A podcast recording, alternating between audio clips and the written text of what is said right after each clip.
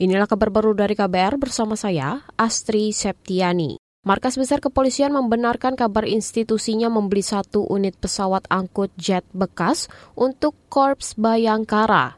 Juru bicara Mabes Polri Ahmad Ramadan mengatakan, pengadaan pesawat itu diambil melalui anggaran kepolisian di 2022. Meski begitu, ia tidak merinci harga pembelian pesawat tersebut.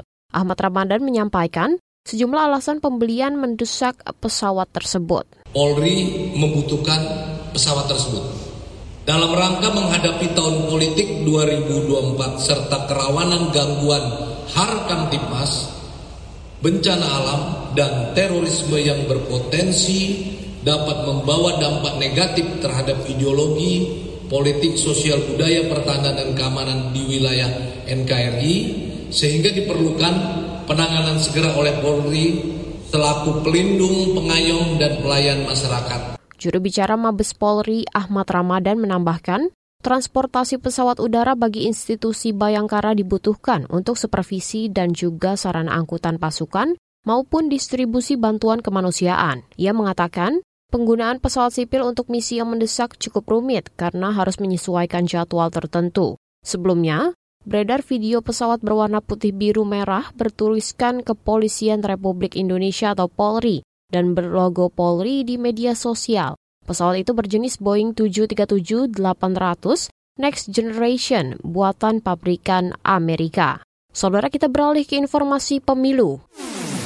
Kabar pemilu. Kabar pemilu. Kantor Staf Presiden atau KSP memastikan pemerintah tidak akan menunda pelaksanaan pemilihan kepala daerah atau Pilkada 2024. Deputi Bidang Informasi dan Komunikasi Politik KSP Juri Ardiantoro mengatakan, Pilkada serentak tetap bakal digelar November tahun depan.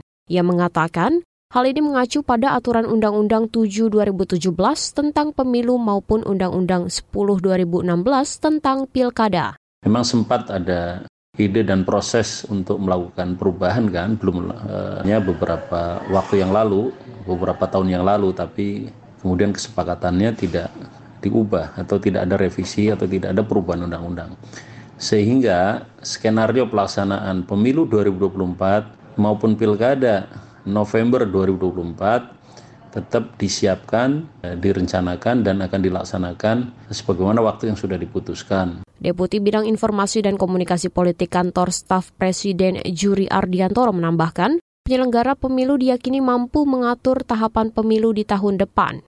Sebelumnya, Ketua Bawaslu RI Rahmat Bagja menyatakan khawatir jika Pilkada 2024 tetap digelar secara serentak.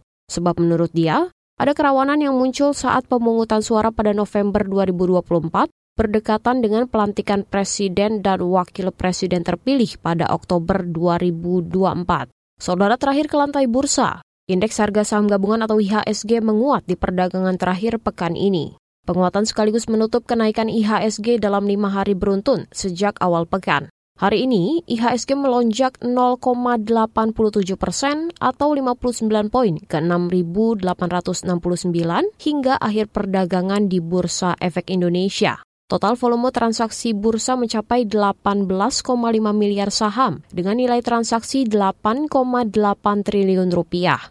Sebanyak 300-an saham menguat, 200-an saham lemah, dan 200-an saham stagnan. Penguatan juga terjadi pada nilai tukar rupiah terhadap dolar Amerika Serikat.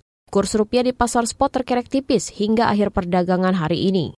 Rupiah ditutup di level 14.959 rupiah per dolar Amerika Hal ini membuat mata uang Garuda menguat tipis 0,05 persen dibandingkan penutupan hari sebelumnya 14.966 rupiah per dolar Amerika. Pergerakan rupiah sejalan dengan mayoritas mata uang di Asia. Demikian kabar baru KBR, saya Astri Septiani.